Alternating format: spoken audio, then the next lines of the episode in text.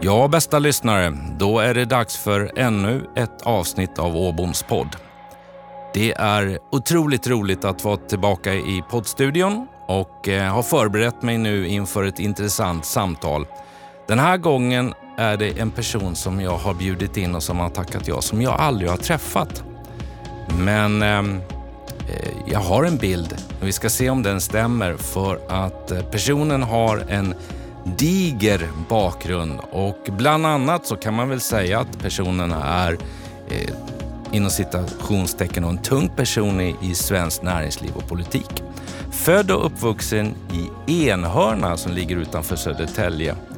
Jobbat som annonsförsäljare, jobbat på Stadshotellet i Södertälje med olika roller.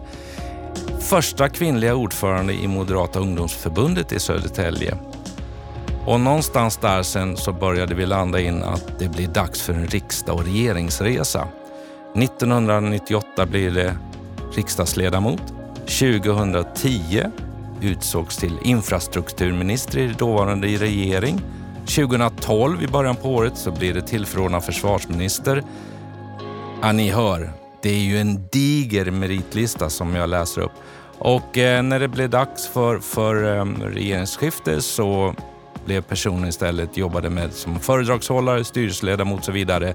Är ordförande idag för Södertälje SK, men huvudsysslan idag är att vara VD för Sveriges byggindustrier. Wow! Jag har glädjen och det stora nöjet att få säga hej och varmt välkommen till ingen mindre än Katarina Elmsäter Svärd. Tack så mycket. Vilken lista du har fått ihop. Ja, och jag kan säga att jag har mer, om jag, men det tar ju en kvart av podden att läsa igenom för alla uppdrag och förtroendeuppdrag och politiska steg och, och, och eh, karriärer du har gjort. Var kommer all den här energin ifrån? För det krävs ju. Alltså det ena ger ju det andra på något sätt utan att det det låter som att det logiskt hänger ihop, men det är ingen tanke från början. Men det går väl att sammanfatta med att det handlar om att göra väl för människor, bygga samhälle, ha någon form av samhällsengagemang och finnas någonstans med där och vara med och påverka. Katarina, du är min första minister som gäst, även om du inte är minister idag. Eh, jag hoppas inte den sista faktiskt, för det ska bli spännande att få sitta ner med en minister och den erfarenheten du har där. Men, men du måste ju ha något unikt driv inom dig som gör att du har gjort alla de här stegen och vägvalen. Ja, alltså både ja och nej skulle jag kunna säga. För på något sätt så har jag ju inte haft som drivkraft att jag ska bli det ena eller det andra. Jag är ju mycket mera här och nu i allt jag gör. Jag har ju trivts i alla mina uppdrag och mina roller och sett till att också ha väldigt roligt där jag befinner mig. Men det som jag möjligtvis har åstadkommit har sen bidragit till att frågor har kommit att ta ett nästa steg. Och där har jag oftast sagt ja istället för nej för att inte efteråt ångra mig möjligtvis. Mm. Men, men det drivs också av det här att jag känner och har alltid haft ett engagemang att måna om människor, få människor att kunna växa, förstå och inse att eh, människor både vill må men också förmå. Vi kan göra det i olika livets skeden.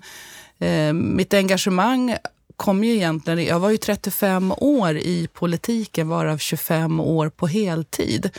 Och det började faktiskt tidigt, redan i skolan, när jag gick på högstadiet.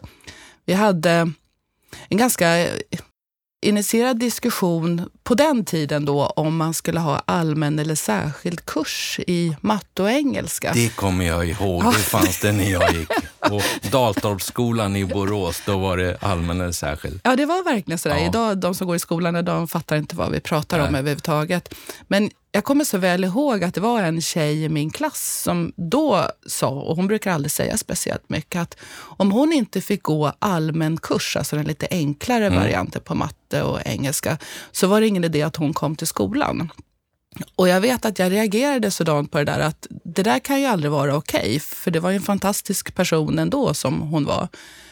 Ehm, men just den dagen så var det just i det här fallet då moderat skolungdom som var på skolan och hade mera lite grann budskapet att individen i centrum, var och ens möjlighet till sin resa för utveckling och framtid. Och då, någonstans där började det Eh, i den politiska delen. Men uppvuxen på landet, van att liksom få fixa och ordna för sig själv och andra, engagerad i idrottslivet, föreningslivet. Det byggde ju på något sätt att hjälpas åt och ta vara på varandra. Jag, ehm, alltså när man förbereder eh, att bjuda in en gäst och sen när man några dagar innan då det är dags att vi träffas i poddstudion. Så det är klart, då tittar man och man använder det fantastiska sökverktyget Google och man säger, det är ju inte svårt att hitta mycket uppslag och artiklar eller intervjuer med dig. Du måste ju ha varit otroligt medial under 35 år i politiken. Mm, så är det. Men, men det är också ett sätt Eh, att skapa intresse, att visa på att det som jag också gör och vill åstadkomma betyder någonting. Att det är på riktigt. Kan det också då fångas upp av till exempel media så är det ett, ett slags verktyg. Fast för mig har egentligen inte det varit det primära. Det har liksom kommit med. Sen med tiden har jag ju också insett kraften av att använda till exempel media för att få ut. Det blir som ett gemensamt beroende för bägge parter. Jag förstår. Min podd, Åbomspodden, handlar ju om ledarskap, kommunikation, vilka drivkrafter och framtid. Och vi ska komma in på det, för det, det är ju det som jag har en ambition av att kunna bjuda mina lyssnare på intressanta gästers erfarenhet och tips. På något sätt bygga på verktygslådan eller bekräfta att de är på rätt väg. Unga som äldre. Och det får jag ju, eh, eller olika steg i karriären och det får jag bekräftelse på, eller återkoppling rättare sagt, via samtal, mail eller en, en LinkedIn-bekräftelse eller dialog. Och det är ju väldigt spännande. Vi ska komma till det, men mm. kort bara reda ut. Vad är Sveriges byggindustrier? Eh, för det är ju inte... Alltså nu har vi pratat om politiken, den kommer vi att beröra tillbaka. Den för, förstår alla. Liksom, men, men vad är Sveriges byggindustrier? Det är en eh, bransch och arbetsgivarorganisation och de medlemmar som är med det är företag. Eh, det kan vara allt ifrån de stora byggföretagen som vi känner igen, Skanska, Peab, Veidekke, JM ner till de mindre och medelstora företagen. Du ska åtminstone ha ett par anställda. Men det är företag som är verksamma i byggbranschen, anläggning till exempel när man gör infrastruktur, men mm. också specialföretag. Så att eh, det är en viktig part på arbetsmarknaden. Vi ingår också som en medlemsorganisation i Svenskt Näringsliv. Okej, okay, det är en del av det. Mm. Bra, då fick vi det på plats. Vi har, och det är en viktig uppgift i hela vårt samhälle kring bygg och infrastrukturen, eller hur? Ja, och som en, tillbaks till temat egentligen, mm. som jag tycker att det passar mm. ihop med mig också. Mm. På något sätt så har jag den här uppfattningen att om människor ska må bra så är det en fördel om de har ett jobb, om de har någonstans att bo, men också goda förutsättningar att ta sig däremellan, alltså en fungerande mobilitet. Men det handlar ju också om näringslivets förutsättningar att kunna få den arbetskraft man behöver till de jobb som man har att erbjuda för att kunna växa och verka som företag. Och då återigen så blir frågan om bostäder och infrastruktur en viktig del och just där befinner sig också företagen i, inom svensk byggindustri. Så att man kan underförstått säga att vi hjälper och bidrar till att det här landet funkar och fungerar från individ till samhället i helhet. Det ska vi återkomma till. Södertälje SK måste jag bara få bocka mm. av lite. Hockeyn, Södertälje. Den finns kvar i det är ju en förening med anor från 1902, men jag slutade dock som ordförande här i somras efter att ha varit ordförande i fyra år. Vilket är helt ideellt. Ja. Men eh, det är fantastiskt när man kan kombinera ideellt med intresse och för mig också mycket avkoppling från det jag gör till vardags. Har, har du ett stort idrottsintresse också? Absolut, så är det. Jag är egentligen basketperson från början. Jag har ju spelat basket, mm. vilket också är naturligt när man bor i Södertälje. Södertälje, duktiga. Mm. Mm, så är det. Men okay. vi har mycket idrotter i stan. Ja. Och, och det här är också ett sätt att kunna förstå den här treenigheten, vi brukar lite skämtsamt men på fullt allvar ändå säga att när det går dåligt för klubben SSK, själva A-laget, herrarna, då går Scania på halvfart och stan är i depression. Alltså så pass mycket engagerar, för att det betyder så pass mycket. Det hänger ihop på det något hänger. sätt. Hur går det för Södertälje idag? Vi går alltid på devisen att det kan bara gå bättre och det gäller uppenbarligen än. Men det är kul att se. Vi har mycket tjejer som kommer in och damlag och annat. Så Ah, att vad det finns en härligt. bredd. Ja. Mm. Jag kan säga det, nu hör ju inte det kanske då till eh, ledarskapspodd på det sättet vi pratar lite hockey, men fast det är ju ledarskap där det också. Jag har ju haft en gäst här som heter Jonas Bergqvist. Mm. Eh, gamla legendaren i Leksand. svensk Leksand och Mm. Tre Kronor. Eh, och eh, vi har lite kontakt då, då och då löpande och, kring Leksand och jag kan säga det är jättetungt i år att uppleva det också. Ehm, som jag, och jag pratade nämligen med en annan nu som sa nu, just i Leksand, eh, började bra men är nu helt under isen för att använda den klyschan. Eh, och det påverkar hela den byn där uppe. Liksom, och, och när de, Fast jag, fast jag tycker att eh, dels så visar det att det finns ett engagemang, vilket innebär att människor bryr sig. På Ja, gott och ja, ont kan man ju verkligen säga. Men kopplat till ledarskap så kan jag också känna att idrotten i sig, eller föreningslivet i stort, har ju också en fantastisk möjlighet att kunna fostra, lära, dana unga människor, inte minst till ledarskap. Hur man är med varandra, hur vi tar vara på varandra, hur vi bygger varandra, jobbar mycket med utbildning. Jag vet till exempel att ja, om man bara tittar runt omkring unga personer i skolan, fler som mår kanske dåligt, psykiskt tungt, tjejer och killar. Hur vi jobbar med locker room talks, alltså respekt för varandra. Alltså någonstans börjar värderingsarbetet hemifrån i det egna hemmet. Eh, De som inte har förutsättningar där, mycket läggs på skolan. Men föreningslivet och idrotten inte minst, där kan du ju blanda personer oavsett bakgrund. Det går att bygga samhällen och bra medborgare från början där också. Ja, jag delar den synen, absolut. Eh, och det kan säga, vi har ju spenderat rätt många år i, jag bor i Täby. Eh, där har vi spenderat många år med våra två barn, tidigare då när de var yngre, och i, på innebandyhallar och så vidare. Och man ser hur viktigt det är, nätverket och få dem att jobba, komma in och kom, få en, en samhörighet tillsammans och utvecklas, både som lag och individer. Jag, bo, jag bor ju då i Enhörna som ligger två mil utanför Södertälje. Och väldigt mycket präglat av gammal jordbruksbygd, mycket entreprenörer. Där har vi också en stark idrottsförening. Och på skämtsamt eller allvar, men när jag växte upp så var det lite grann utav föreningen i byn. Där var all social verksamhet. Jag var ju ordförande även i den föreningen tidigt där bygger mycket på samhörigheten med att vi har arbetsdagar, vi gemensamt tar ansvar och bygger och värnar det som vi har. Så i samhället Enhörna så var det väl nästan inte någon som inte var medlem i Enhörna IF.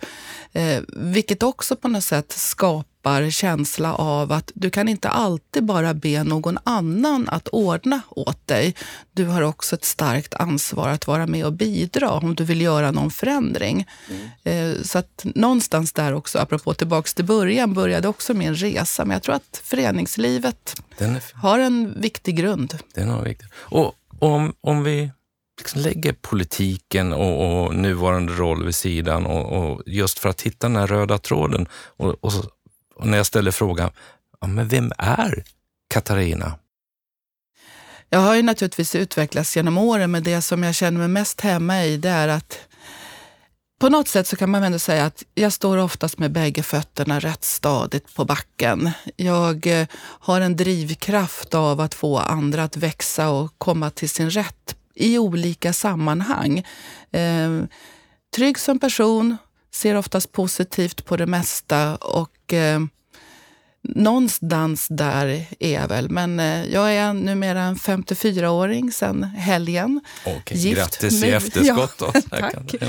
Jag hittade kärleken tidigt som också har varit en trygghet i mig med Vidar. Vi har varit gifta snart i 33 år. Vi har två vuxna barn eh, boendes på landet, haft mycket djur runt omkring. Alltså haft förmågan att gilla det internationella, mycket folk och rörelse, men hämtar kraften i det stilla, enkla.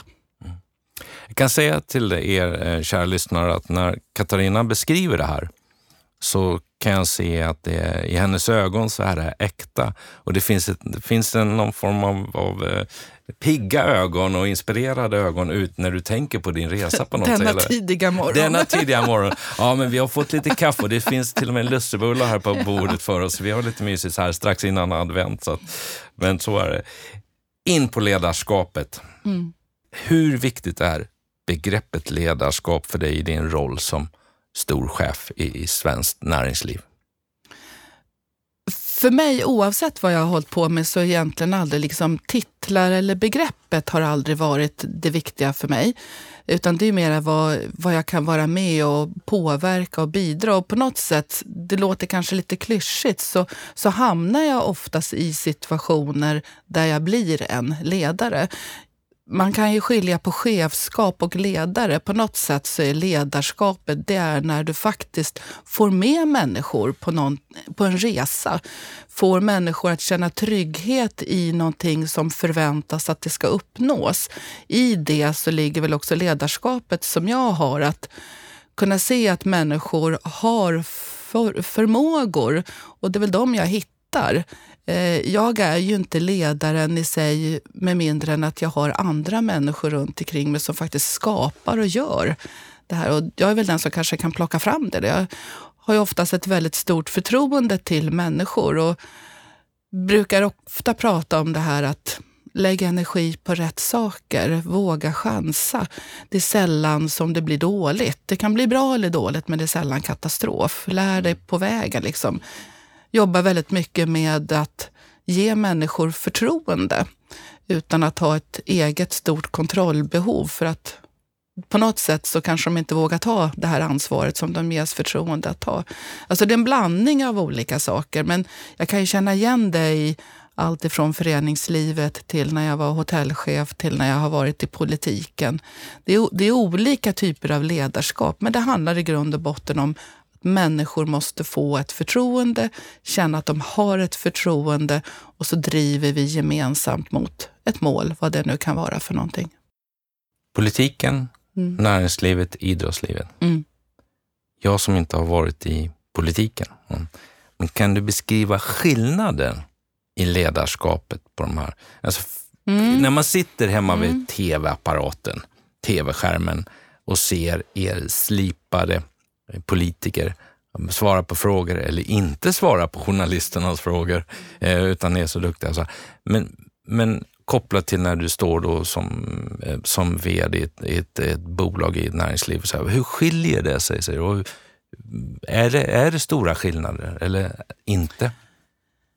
Egentligen skulle jag säga att det är inte så stora skillnader. Alltså i näringslivet kopplat till ett företag med kvartalsrapporter, budget, du kanske har säg prylar som ska säljas. Det, det handlar ju om att skapa ett förtroende för det också. Du tittar kanske på resultatet på ett annat sätt. Det mäts på ett annat sätt.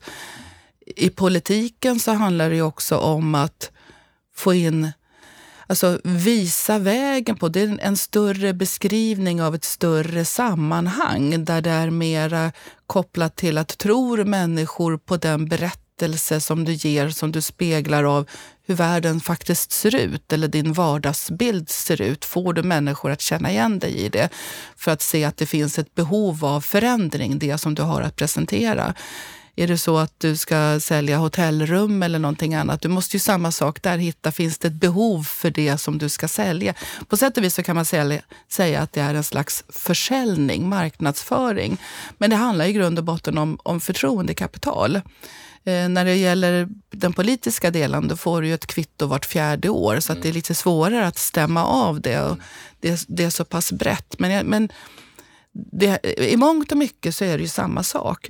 Sen jag, jag, brukar tänka på det här, framförallt skillnaderna som finns. Jag vet att när jag träffar människor i näringslivet så kan ju de också många gånger ha uppfattningen att det tar så lång tid och ser man inte problemet och varför görs ingenting åt det? Och då brukar jag tänka på att när vi jobbade med budget och åtgärdsplaner på hotellet till exempel, då var det ju väldigt nära mellan orsak och verkan. Och var det någonting som inte funkar så kunde man ganska snart förändra. Mm. När jag kom till kommunpolitiken och du kunde se att det var till exempel hål i vägen. De där potthålen blev bara större och större och månaderna gick. Så kanske, ingen åtgärdade dem? Ingen åtgärder. Mm. Då blir det så här, är det ingen som ser? Varför tar det så lång tid? Men efter att ha gjort resan politiskt, både lokalt, regionalt och nationellt, så är min uppfattning numera att kommuner och landsting jobbar oerhört snabbt och alert. Men du har en demokratisk resa att göra, att förankra vilket du inte alltid har i näringslivet där du mycket mer kanske kan peka med hela handen mm. om man skulle ha. hårdra det lite mm. grann.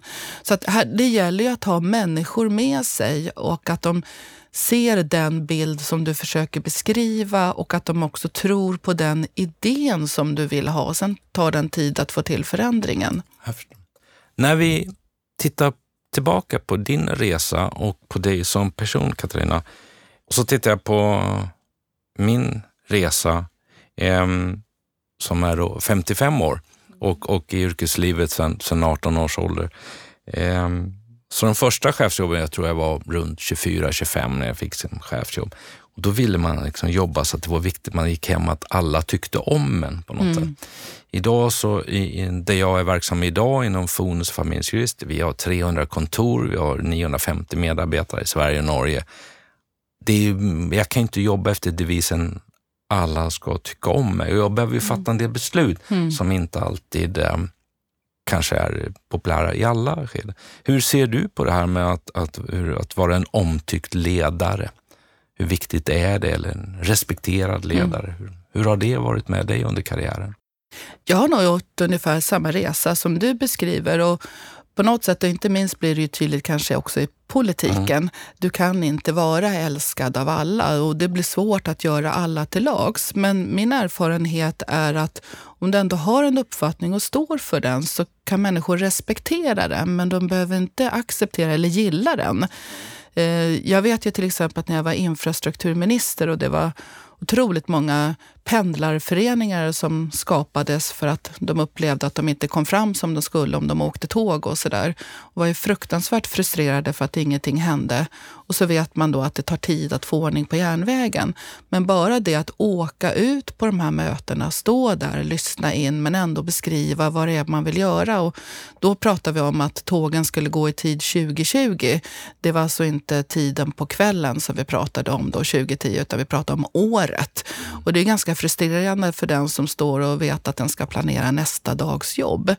Eh, så på något sätt så handlar det egentligen om att ändå vara tydlig i hur resan ser ut, varför man väljer att fatta ett visst beslut.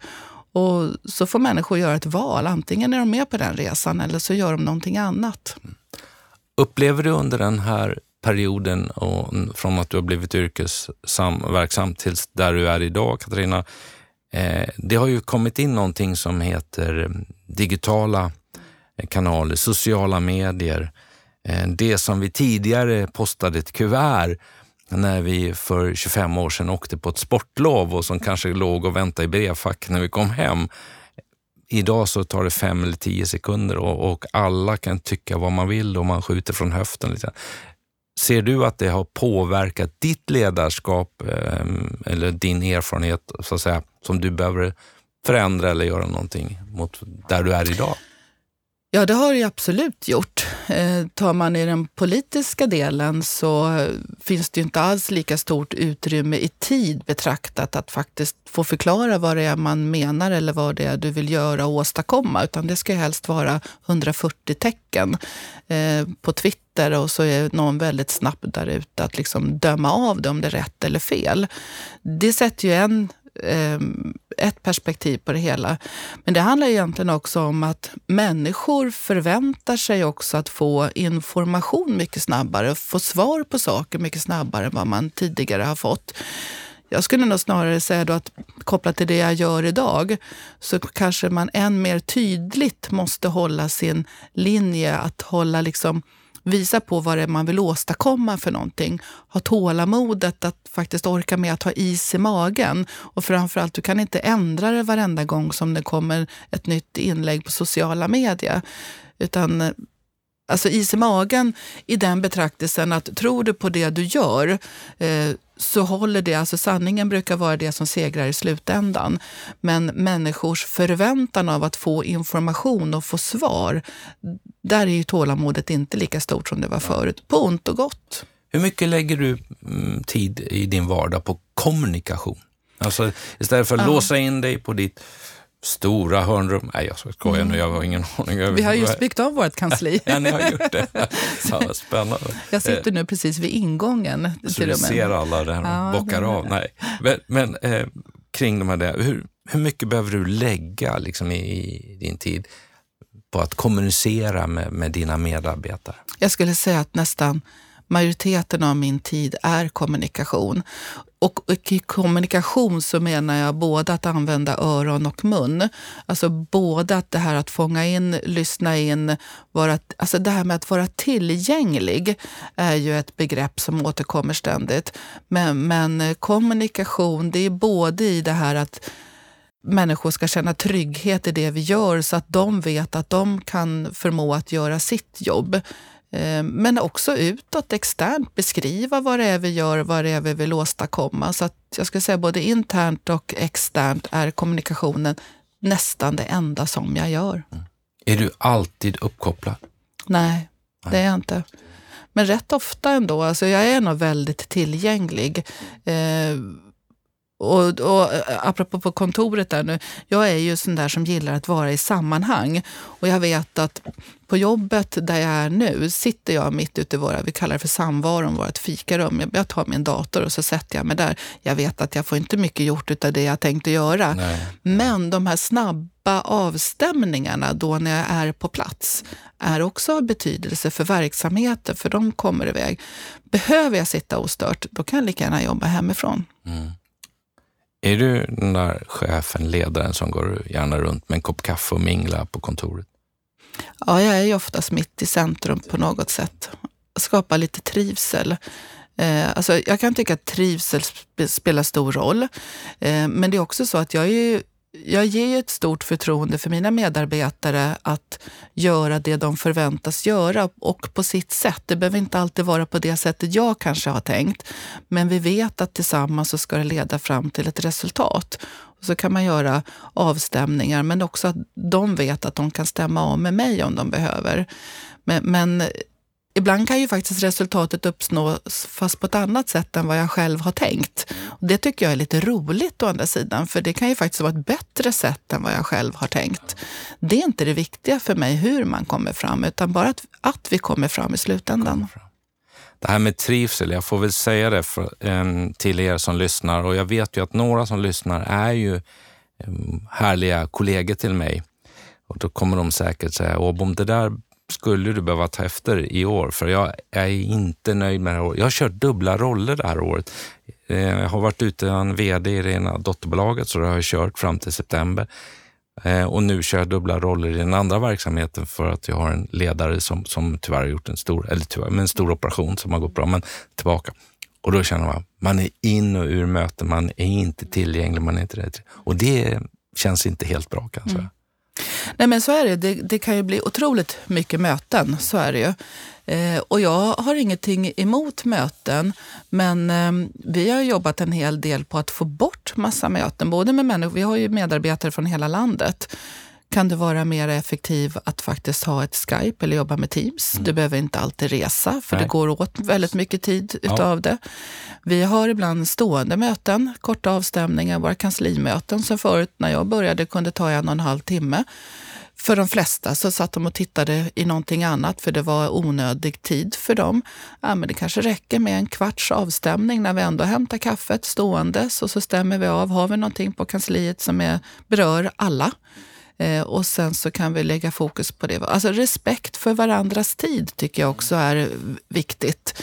Och likadant det här med trivsel. Alltså det handlar inte bara om att vi har fina gardiner och julgranen på plats och att det finns kaffe, utan egentligen handlar det om att skapa förutsättningar för människor som har en arbetssituation som går upp och ner i tid hur kan de ha återhämtning? Hur kan vi ha lite roligt? Men också tycker jag att det är viktigt att arbetslivet måste fungera med familje och vardagslivet. Vi har till exempel väldigt sällan nu aktiviteter gemensamt för personal som tar kvällstid i anspråk. Utan då gör vi någonting tillsammans på arbetstid och då får vi med oss allihopa också. Därför att det är så pass mycket mera värt. Och när vi har gjort, vi har varit till exempel på Nationalmuseet eller vi har varit på så här sopplunch på Stadsteatern och så går vi iväg allihopa. Men den energi som medarbetarna har när de kommer tillbaks, Alltså den är ju otroligt mycket mera värd och jag tror att de jobbar betydligt mer även om vi har varit borta en timme eller två extra på arbetstid. Om jag efter våran podd ringer till några av dina närmsta medarbetare. Mm. Nu ska jag inte göra det. Ja, men det gör gärna. Det kan ju vara lite roligt jag faktiskt. Jag kan komma förbi på en kopp kaffe där och se hur det sitter. Eh, men vad skulle, hur skulle de beskriva dig eh, som ledare? För jag, tycker, alltså jag hör ju att du har ett tänk, du tänker till, du har en erfarenhet. Eh, ja, men du, du vill att teamet ska fungera. Du tar på något sätt ja, du gör ett riktigt omtag innan du gör förändringar eller ja, genomför de här ste olika stegen mm. för att utveckla. Mm. Vad skulle de beskriva dig med tre ord? Eh, ja, det är jättesvårt att säga, men jag tror att de skulle faktiskt säga alltså tillgänglig, positiv och tillåtande. Tillgänglig, positiv och tillåtande. Mm. Alltså jag, jag, jag, jag, brukar tänka så här, det gjorde jag även, det var lite roligt faktiskt, för det var ju helt fel egentligen. Men när jag kom in på departementet första gången då, när jag var minister. Ja. Det är ju en väldig ordning och hierarkisk ordning för att saker och ting ska gå rätt till naturligtvis. Att man ska jag ha svar från någon så måste jag ju då gå igenom alla olika led. Och ja. Då när jag hade samlat hela min enhet och så sa jag lite sådär öppet naivt frågande. Så att, men om jag nu vet att det är Lena som kan den här frågan, är det inte okej okay att jag frågar henne direkt? Måste jag gå igenom alla olika led tills jag kommer fram till det där? Då tittade de alldeles förskräckt på mig och sa att ja, men det går inte att göra på det sättet. Men de insåg ju också att det kanske var mycket lättare att göra så. Men, alltså man måste förstå den ordning som finns, men sen kan du ta genvägar. Men det som hände, det var att jag sa till dem så här att Istället för att jag ska komma på någonting som ni ska utreda och komma med ett underlag till mig, så måste det ju vara bättre att ni som är experter och sitter och ser om någonting behöver göra, kanske kommer med ett förslag till mig istället. Och så kan jag ju ställa frågan, tror ni på att det här skulle fungera? Tycker ni att vi ska testa? Och svarar ni ja på den frågan så kör vi. Därför det är ju jätte jättesvårt när man är chef, vd, ledare att vara expert, specialist på allting. Det är därför vi har specialister. Ja. Men de måste våga själva att komma med förslagen. Och det tror jag också att jag har bidragit till väldigt mycket på, inte minst nu också på Sveriges Byggindustrier. Vi har sedan fyra år tillbaka, och jag vet att jag tror jag har nämnt det vet utav något annat poddavsnitt, men det är värt att repetera. Vi har en affärsplaneprocess i vår verksamhet som bygger underifrån. För det du, om jag tolkar det rätt Katarina, så det du tror är att det finns, alla människor kan bidra mm. och det finns kompetens. Det vore ju osmart av dig och mig som ledare att inte um, bjuda in till dans, om man säger. Så vi har en affärsplaneprocess där vi, vi bara skriver att om vi ska överleva eh, framtidsmässigt så tror vi att vi behöver ha en sån här tillväxt och ja, vi behöver ta hand om det här. Men det gör vi kanske på två sidor max till cheferna. Men i övrigt så har vi ett digitalt system där vi börjar underifrån. Så alla mina medarbetare bjuds in till att börja så här, vad ska vi göra lokalt? Vad behöver vi göra? Och så har vi fem block som, som vi rör oss inom. Och därifrån så tar vi det till nästa nivå. Så nästa, det där trattas upp. Så i år har vi tror jag, 23 eller 22 liksom punkter i vår affärsplan som, jag skickade, eh, som vi skickade idag faktiskt, när vi spelade in det till styrelsen för beslut. Det är en sida eller en och en halv. Det är mm. vad de ska mäta mig mm. på och oss på i ledningen och hela verksamheten. Men då är den ju väldigt väl förankrad. Vi lyssnar. För jag, tror, jag, jag har ju naturligtvis tankar och idéer som ledare. Det har man ju. Det är en drivkraft man har. Man vill utveckla men det är klart att spetskompetens eller den lokala kompetensen, den har ju mina medarbetare hundra gånger bättre än vad jag har. Mm. Och den vill jag ju samla in. Och det mm. upplever jag lite grann hur du tänker och vad du vill uppnå. Ja, jag tycker att för mig så är det ett mycket bättre sätt att jobba. Det passar mig. Ehm, men det blir också en utmaning. Jag har ju då varit nu lite drygt två år där jag befinner mig nu på Sveriges Byggindustrier. Och de hade precis den omvända ordningen. Så att det är också en resa att vända om. Att få människor att faktiskt börja tro på sig själva, se på sig själva att de besitter den här kunskapen och att det är någon som faktiskt hela vägen vågar tro på att de har förmågan. Så du är inne även, du pratar ju även om en kulturresa du gör? Jajamensan. Det har vi mm, gjort här under två års tid. Intressant. Mm. Hur går det? Alltså, det innebär ju att i början när jag kom in så var det nog väldigt många som såg ut som stora frågetecken. Vad vill hon egentligen? Ska hon inte sätta ner foten någon gång? Eh, jag vet att vi hade ett första möte med den ledningsgrupp som då är dessutom är ganska stor som jag har. Eh, och vi började prata om eh, hur vi tyckte att det funkade att jobba den här och alla var rätt överens om att den är för stor, det är för fel frågor, det är fel nivå och så vidare. Och jag hade naturligtvis en tanke om hur jag skulle vilja ha det, men alla var ju livrädda för att jag skulle säga den. Så att jag eh, kastade ur mig ett förslag när alla såg helt chockade ut. Och okay. så sa jag så här, men vi bryter här nu. Så ses vi imorgon, för vi skulle iväg på en tillställning på kvällen. Årets bygge.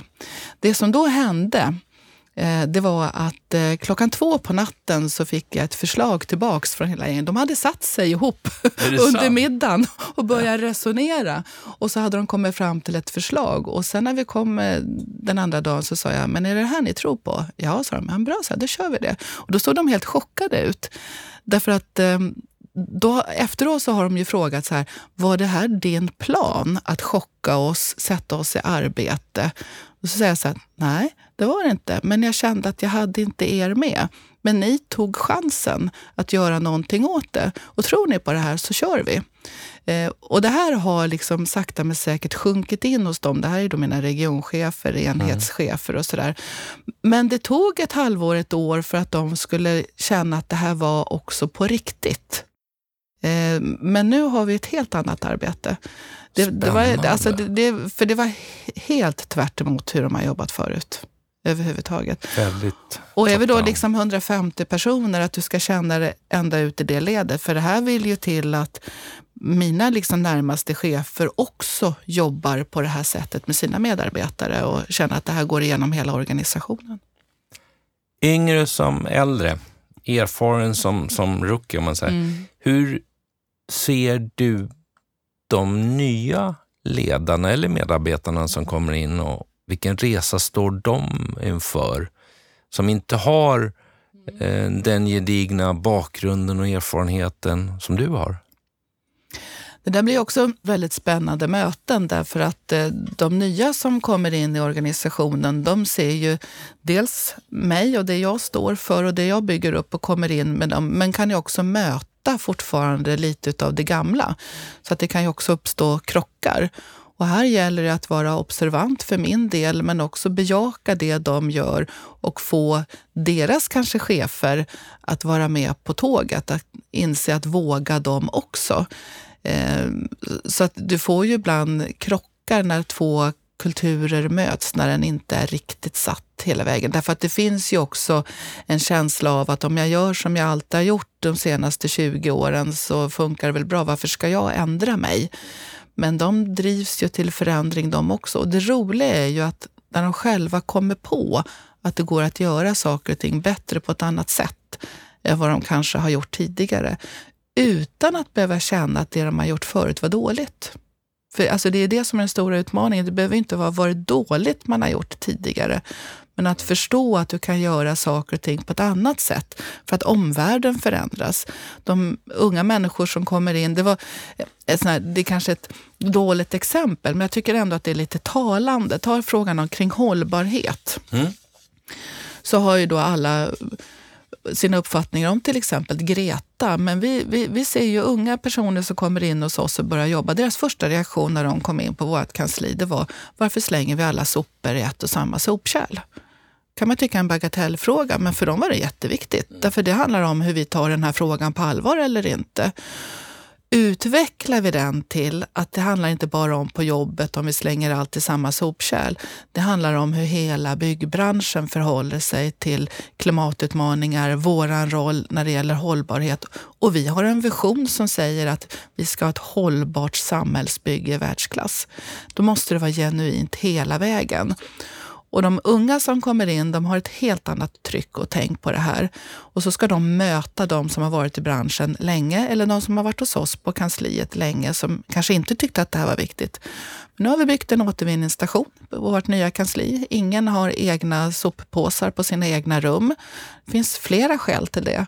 Det ena är att då får vi ingen sortering. Så att ut på sorteringen. Folk börjar röra på sig och framförallt vi får möten i korridorerna. Ja. Människor träffas mellan enheterna, vilket man inte gjorde förut. Nej.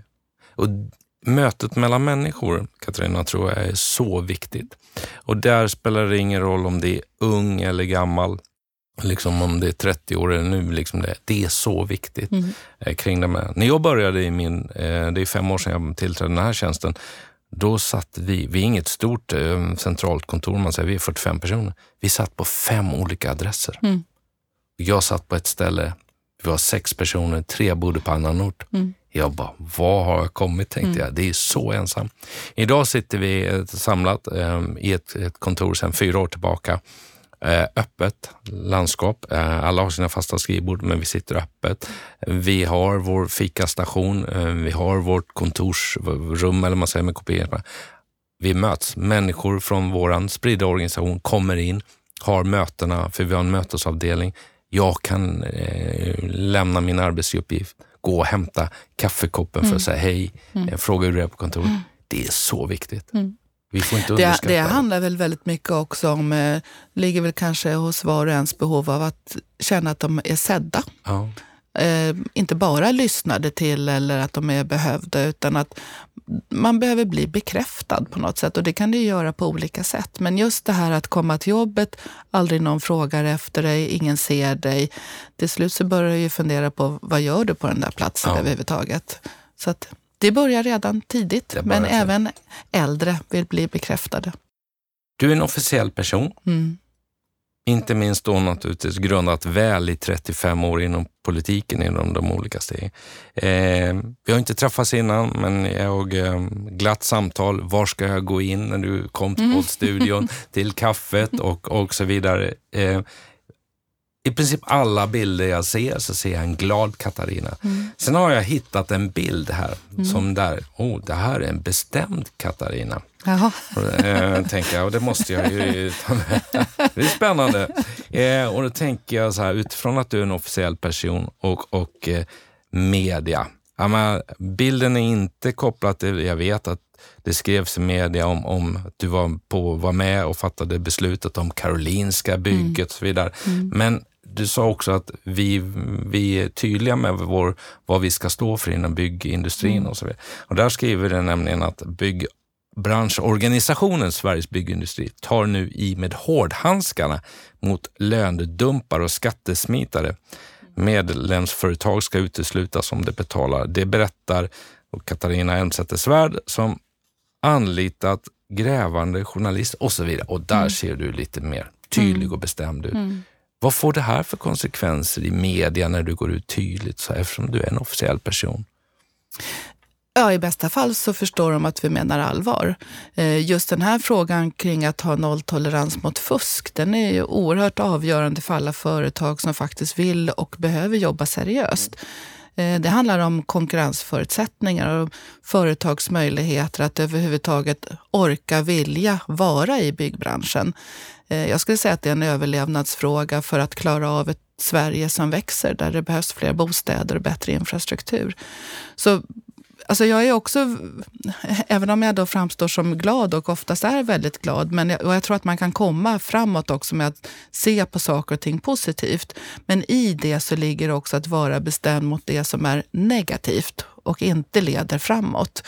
Så att jag är inte bara en glad prick, utan jag vet ju också vad som är viktigt och att det finns skiljelinjer. Och där håller jag någon form av gräns. Ehm, jag tycker ju också, det är likadant i politiken och det ligger mycket för min egen del. Ska du vara trovärdig, och jag pratar mycket om att man jobbar med förtroende, då måste man oftast rensa framför egen dörr. Vi är en medlemsorganisation i Sveriges Byggindustrier som driver frågan kring sund konkurrens. De som är medlemmar hos oss, de har ju sagt särskilt att de vill vara lite bättre. Mm. Då är det inte trovärdigt om de samtidigt skulle fuska. Och då ska man heller inte vara medlem hos oss. Där går en tydlig gräns. Politiken, är du fortfarande väl insatt? Alltså inte jätteväl. Jag rör mig ju fortfarande väldigt mycket inom politikens gränser. Jag brukar tänka så här för vår organisation att vi gillar ju alla regeringar, vilka de än är, bara de gör som vi vill. Ja. Så, så enkelt brukar så vi enkelt. sammanfatta det. Så säger jag också ibland. Ja, jag förstår. Fast inte regeringen. Men, ja. Nej, men ska man komma framåt, och så har jag faktiskt alltid varit ända sedan jag började i politiken. Jag kunde ju alltid sitta med mina partivänner på mötena, men de träffade jag ändå. Jag har snarare byggt relationer med företrädare från andra partier. Därför det återigen handlar om förtroende för dig som person. Ska du få någon att lyssna på dig, och framförallt om du har lite tuffa, i det här fallet politiska frågor, då måste de känna att det kommer från en person som att okej, okay, säger hon det här nu, då menar hon det. Och kan hon stå för det här om vi gör upp om någonting? Det är jätteviktigt om man ska nå i slutändan resultat. Och för mig har det alltid varit det viktiga, inte vägen dit, inte utan vägen att dit. nå dit vi vill. För våra lyssnare till podden, för en, en sista grej kring, kring det här med media och, och, att vara en officiell person, för att ge någon form av, av eh, kanske verktyg då till verktygslådan. Eh, vad är svårast med media och vad är enklast med ditt perspektiv? Vad har varit svårast för dig eller vad, har, vad ser du som enkelt?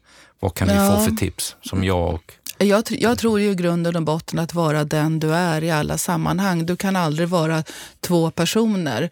Eh, det du gör och det du säger att du står för, det måste du göra genuint hela vägen.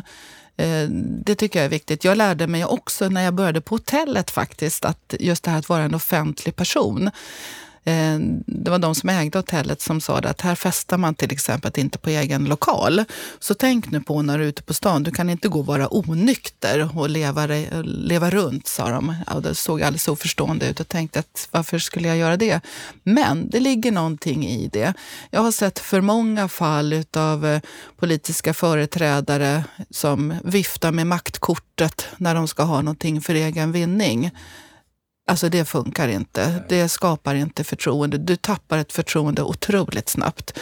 Eh, så på något sätt så handlar det om att vara genuin hela vägen när jag har varit till exempel ordförande då i hockeyn hemma, mm. det är många som tror att man är välbetald som ordförande. Jag brukar säga att det kostar mera. Det, kostar, det är rent ja. ideellt. Ja. Av princip så gjorde jag så att jag använde aldrig VIP-parkeringen. Den var till för våra VIP-kunder. Jag stod på andra sidan och betalade precis som alla andra. Och när jag har varit ordförande till exempel i Enhörna IF, var det arbetsdagar så var jag också med och jag tog väl de tråkiga jobben, städa toaletterna. Alltså det handlar om att det du förväntar dig av att andra ska göra måste du också visa att du gör. Det är inte titeln som avgör om du blir befriad eller inte. Och det handlar återigen om att både respektera alla arbetsuppgifter, men också att det du säger, att du menar allvar hela vägen. För media så blir det likadant också. Det är klart att du kan få tråkiga rubriker ibland och det ligger i medias uppgift att granska. Men dagens tidning blir snabbt gårdagens tidning. Alltså, det är inte säkert att det som står i en artikel som man själv läser, att alla andra ser det som den stora världsnyheten. Så att man får hantera det på olika sätt. Det är inte alltid du får bra media. Men i långa loppet, tro på det du gör och var dig själv hela vägen. Det där ska jag återkomma till i min summering. Det där var, det kan jag säga till lyssnarna, väl värt att skriva ner med fet stil i sin kom ihåg-bok. Mm. Katarina, jag fick ett mejl ifrån um, en, um, en god vän som heter Anders som sa jättebra podd, jätteintressant Mikael, men kan du inte få någon att också berätta om den här tuffa rollen att vara mellanchef man ska göra. För mm. de du träffar är liksom bolagsledare här. Och, eh, men som mellanchef så trycks du både underifrån och överifrån mm. ibland. Mm. Kan inte vi få något tips Mm. Och då tänkte jag, ja, jag tar med den fram. Det var ju en väldigt spännande mm. fråga. Ligger det någonting i det? Ja, alltså det, det gör det naturligtvis. Jag har ju aldrig riktigt haft den rollen själv. För även om jag då var minister så, eller riksdagsledamot så hade man ju ingen riktig chef-chef, även om man hade en statsminister. Men du blir ju lite grann liraren, jag skulle säga medlaren. Ibland brukar jag ibland betrakta mig själv som gruppterapeuten. Alltså, du kan ha olika personer, roller, myndigheter eh, eller vad det nu kan vara för någonting där du märker att eh, man slänger orden åt varandra och på något sätt så hamnar du mitt emellan. Som mellanchef så kan du ha förväntningarna ovanifrån men också förväntningarna underifrån och så ska du parera däremellan. Ja, det är jättesvårt att skicka med något bra tips, men, men där handlar det verkligen om fingertoppskänslighet. Du måste ändå veta åt vilket håll som det ska bära och både lyfta upp relevanta frågor så att du känner att medarbetarna under dig, om man uttrycker det så, att deras frågor lyfts upp. Men du måste också ha förmågan att ta tillbaka svar. Du kan heller inte glida undan. Så att det är, att mellanchef är nog bland det svåraste man kan vara, absolut. Det hjälpte ju inte mycket i det här fallet. Mm, ja, men det är värt att reflektera ja, över. Vi ska jobba vidare på den. Ja. Jag ska ta med mig den för att eh, det är ju så, det, man hopp, om du inte ärver din vd-titel i form av att det är familjebolaget och du är tredje generationen som ska ha den, här, mm. så är det en resa att göra de här olika stegen. Mm. Och där, där, har jag, kanske jag också har sagt till er lyssnare någon gång innan, men jag har en stege mm. hemma. En liten stege eh, med ett antal steg på som hänger i min lampa på hemmakontoret. Och den har jag också gett till alla i min ledning. För att jag, jag kommer från jätteenkla förhållanden och jag har Liksom, jag har inte världens största utbildning, jag har liksom fått jobba med olika mm. steg. Och det, Man klättrar de här stegen. Mm. Och när man då sitter som VD på det översta mm. steget, fast man är inte på det översta steget, mm. för det finns ju en ordförande och en styrelse och så mm. vidare. Så. Men det är så viktigt att gå ner på dem och tänka, mm. jag måste ha med de här olika stegen mm. och jag måste tänka på dem. Så jag sitter faktiskt rent ja, med, med fingrarna och klättra på den där stegen upp och ner när jag sitter och skriver hemma ibland. Mm. För den blir mitt, och jag har den även i mitt mötesrum, en sån till. Så jag har två stycken på jobb. För att påminna mig om min egen resa mm. och att bli ödmjuk för den och inte tappa bort de olika stegen. Men jag tror att den är viktig därför att, apropå jag, som jag sa tidigare, det här med titlar och så har egentligen inte varit det viktiga för mig. Jag träffar ju på också de som säger, hur ska jag göra för att bli chef? Eller hur ska jag göra? På något sätt så brukar jag tänka så här att hoppa inte över några steg, utan där du befinner dig, gör det bästa av liksom den roll där du befinner dig och fyll den med så mycket innehåll som möjligt. Eh, för både resan, om man nu säger uppåt, den handlar ju om att du tar vara på den det läge där du befinner dig och med de medarbetarna som är runt omkring. Men det handlar ju också om när du väl har kommit upp till toppen. Så sluta liksom inte att bry dig runt omkring därför att neråt så går det också väldigt fort. Då kommer du möta alla de här människorna som du hade på vägen upp. Ja. Alltså den, den är faktiskt rätt bra också. Det finns något uttryck för det där också. Stämmer. Men alltså, hissen går både upp och ner. Ja. Det gäller att vara ödmjuk. Ja, den är viktig. Och Ödmjuk blir min övergång till ordet värderingar. Jag har nyligen spelat in en podd med en kvinna som heter Mia Hultman som eh, när, när vi kommer att släppa den här podden med dig Katarina, då har vi också släppt den podden. Hon jobbar och har jobbat i 30 år med värderingar. Och då tänkte jag, och det var ett väldigt intressant samtal. Vi rörde oss väldigt mycket då kring värderingarna. Eh, och jag brinner för att eh, jobba med värderingar och jag, jag upplever att i det allt du pratar om så har du någon form av eh, värderingsidé mm. eller vad, oavsett vad man kallar det. Men eh, omtanke, strukturtänket. Hur viktigt är värderingar för dig? Och, för du pratar också om visionen kring, kring branschorganisationen och, och det vi pratade om då med, med eh, att man ska inte vara medlem om man inte mm. följer mm. etik och moral och så vidare. Alltså, någonstans så har jag väl det i mig, även om jag inte riktigt sätter ord på vad det är för någonting eller vad heter den värderingen som jag går efter. Men, men det är klart att jag är nog väldigt värderingsstyrd. Men för mig så handlar det egentligen i grund och botten av att ingen kan göra någonting själv. Eh, är vi många som gör något så går det att få till en förändring. Eh, men i det så måste det ligga både ärlighet, öppenhet, eh, men också mycket av förtroende. Och att jag som oftast då går före kan heller inte gena i några kurvor, utan jag måste ju också leva som jag själv lär. Och Det har varit viktigt för mig. Sen det som mina barn brukar skämtsamt fortfarande ta upp det här att jag, jag är ju väldigt mycket på att jag tror att människor har oftast mycket mera gott i sig än ont och det gäller att hitta de delarna. Min dotter hon har ett uttryckssätt som hon har lagt på sin Facebook-sida som jag gillar och det är det här att när du betraktar en människa eh, och gör, dömer den utifrån dess utseende så talar det mycket mer om hur du själv är som person än den personen som du dömer. Och någonstans där finns ju jag också. Så fastna inte på utseendet eller ja, det som du tror dig se, utan gräv lite djupare och ta fram det som finns där. Då tror jag att då växer människor och då växer du själv också som ledare tack vare människor.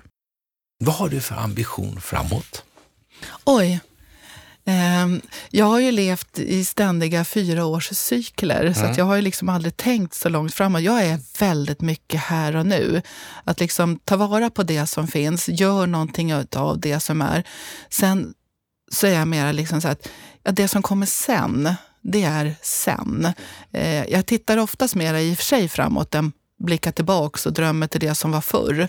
Men jag använder det som jag har runt omkring och så på något sätt så, alltså för mig så oavsett vad jag gör och vilka roller jag har, så det jag drivs utav det är ju egentligen att få ett bättre samhälle i stort. Mm. Alltså det, det, är det som har varit min, min drivlina. Mm. Har du kul på jobbet? Ja, jag har ju det. Och, och det har ju varit min förmån att vad jag än har gjort för någonting så har jag alltid gillat det jag har gjort.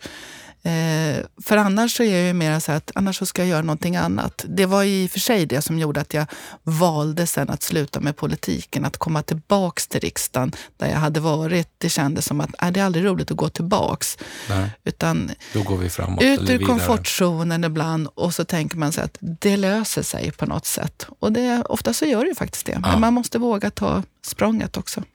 Jag vet att du har en full agenda, eh, mycket möten resor och så vidare. Och, och eh, naturligtvis är jag oerhört tacksam över att få, få låna den här stunden av din tid. Men jag skulle också vilja förstå, hur, och inte minst tips för mig själv, mm. eh, hur laddar du din energi? Hur, hur, hur får du in den? Mm. Och, och, hur stänger du av och kopplar av? Kan du beskriva det? Jag är väldigt bra på att tomglo.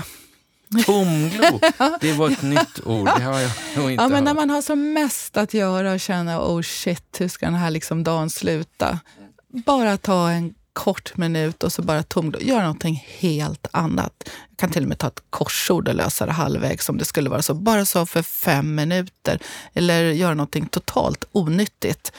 Det är det korta perspektivet. Men jag har ju också liksom lärt mig, och det kanske handlar egentligen om att jag stressar inte upp mig i onödan och lägger energi på rätt saker. Men har jag otroligt mycket, min almanacka ser ut som den gör. Jag har ändå en hyfsad överblick.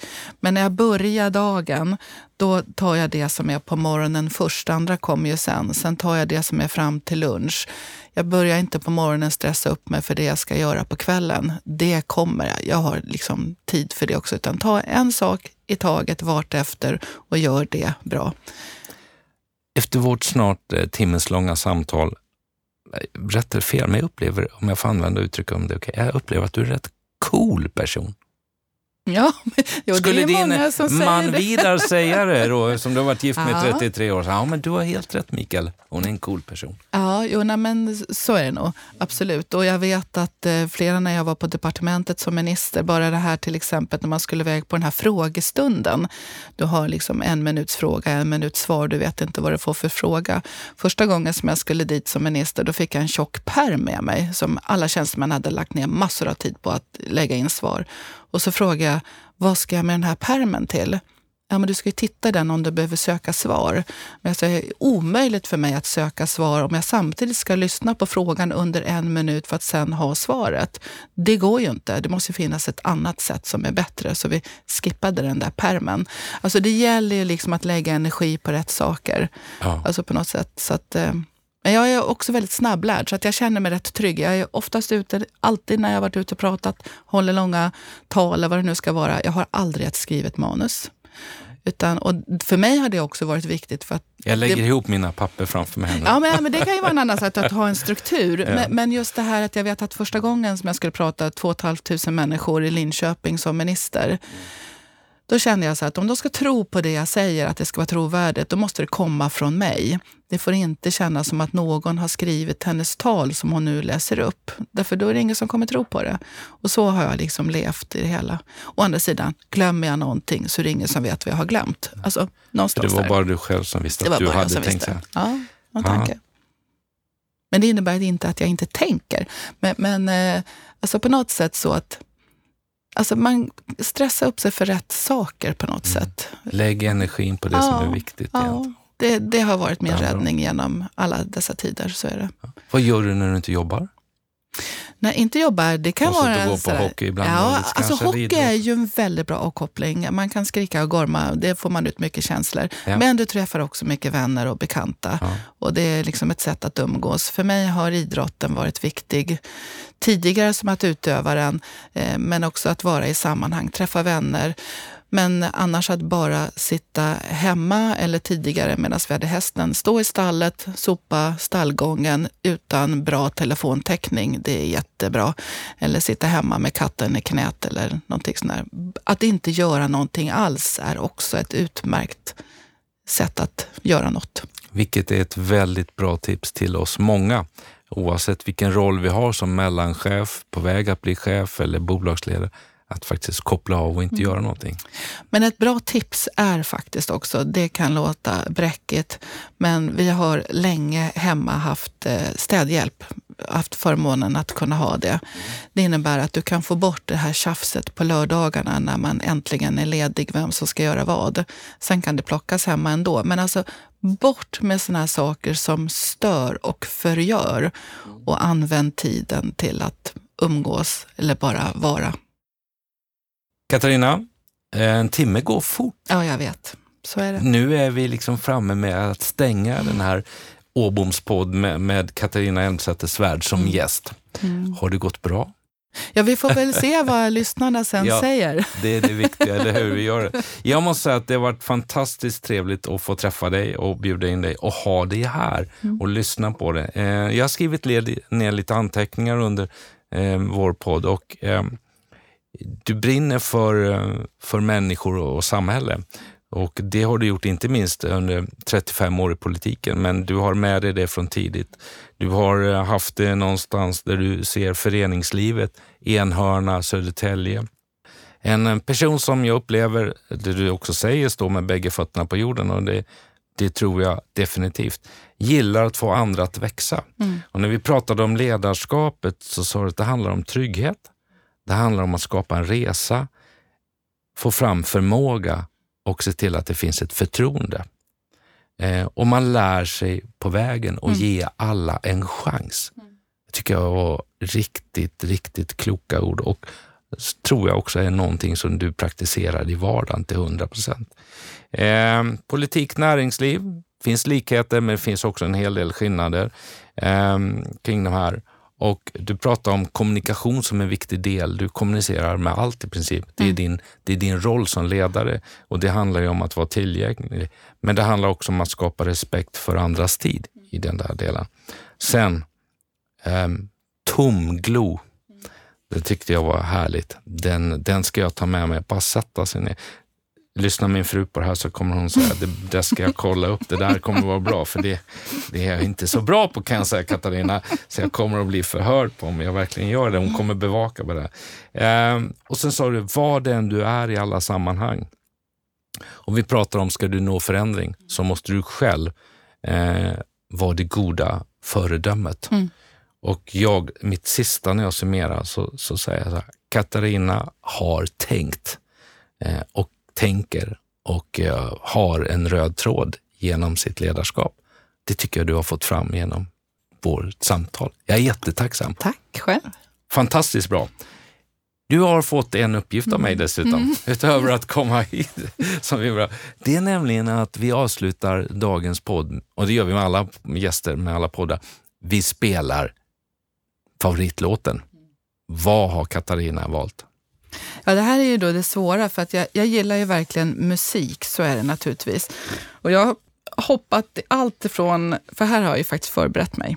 Om jag skulle köra introt från Förklädd Gud, eh, den har jag ju sjungit själv, Förklädd Gud, men jag gillar verkligen det här, liksom man känner hur man sveper ut över ängarna. Men sen gillar jag ju dansa, så då tänkte jag så här, det kanske måste gå att dansa till med Lars Kristers, för då blir man lite glad. Eller ska man köra Lacrimosa, det är ändå november, Mozarts Requiem. Men jag tror att jag faktiskt landar ner på ACDC. Jag har ju ändå haft en Mustang Cab och just att svepa okay. på den här låten, svänga in så gruset yrde vid Harpsund, det fick många att höja på ögonbrynen. Men titeln heter faktiskt It's a long way to the top if you wanna rock and roll. Alltså, du kan inte gira i kurvorna, du kommer dit du vill till slut ändå, men passa på att vara där du är också för stunden. Så det får bli ACDC. Underbart, då gör vi det. Då lyssnar vi på det. Bästa lyssnare, jag tackar Katarina Elmsäter-Svärd för en fantastisk timme tillsammans och önskar dig allt gott och lycka till med resan framåt. Och tack för att du kom. Och god jul alla lyssnare. Just det, god jul. Tack.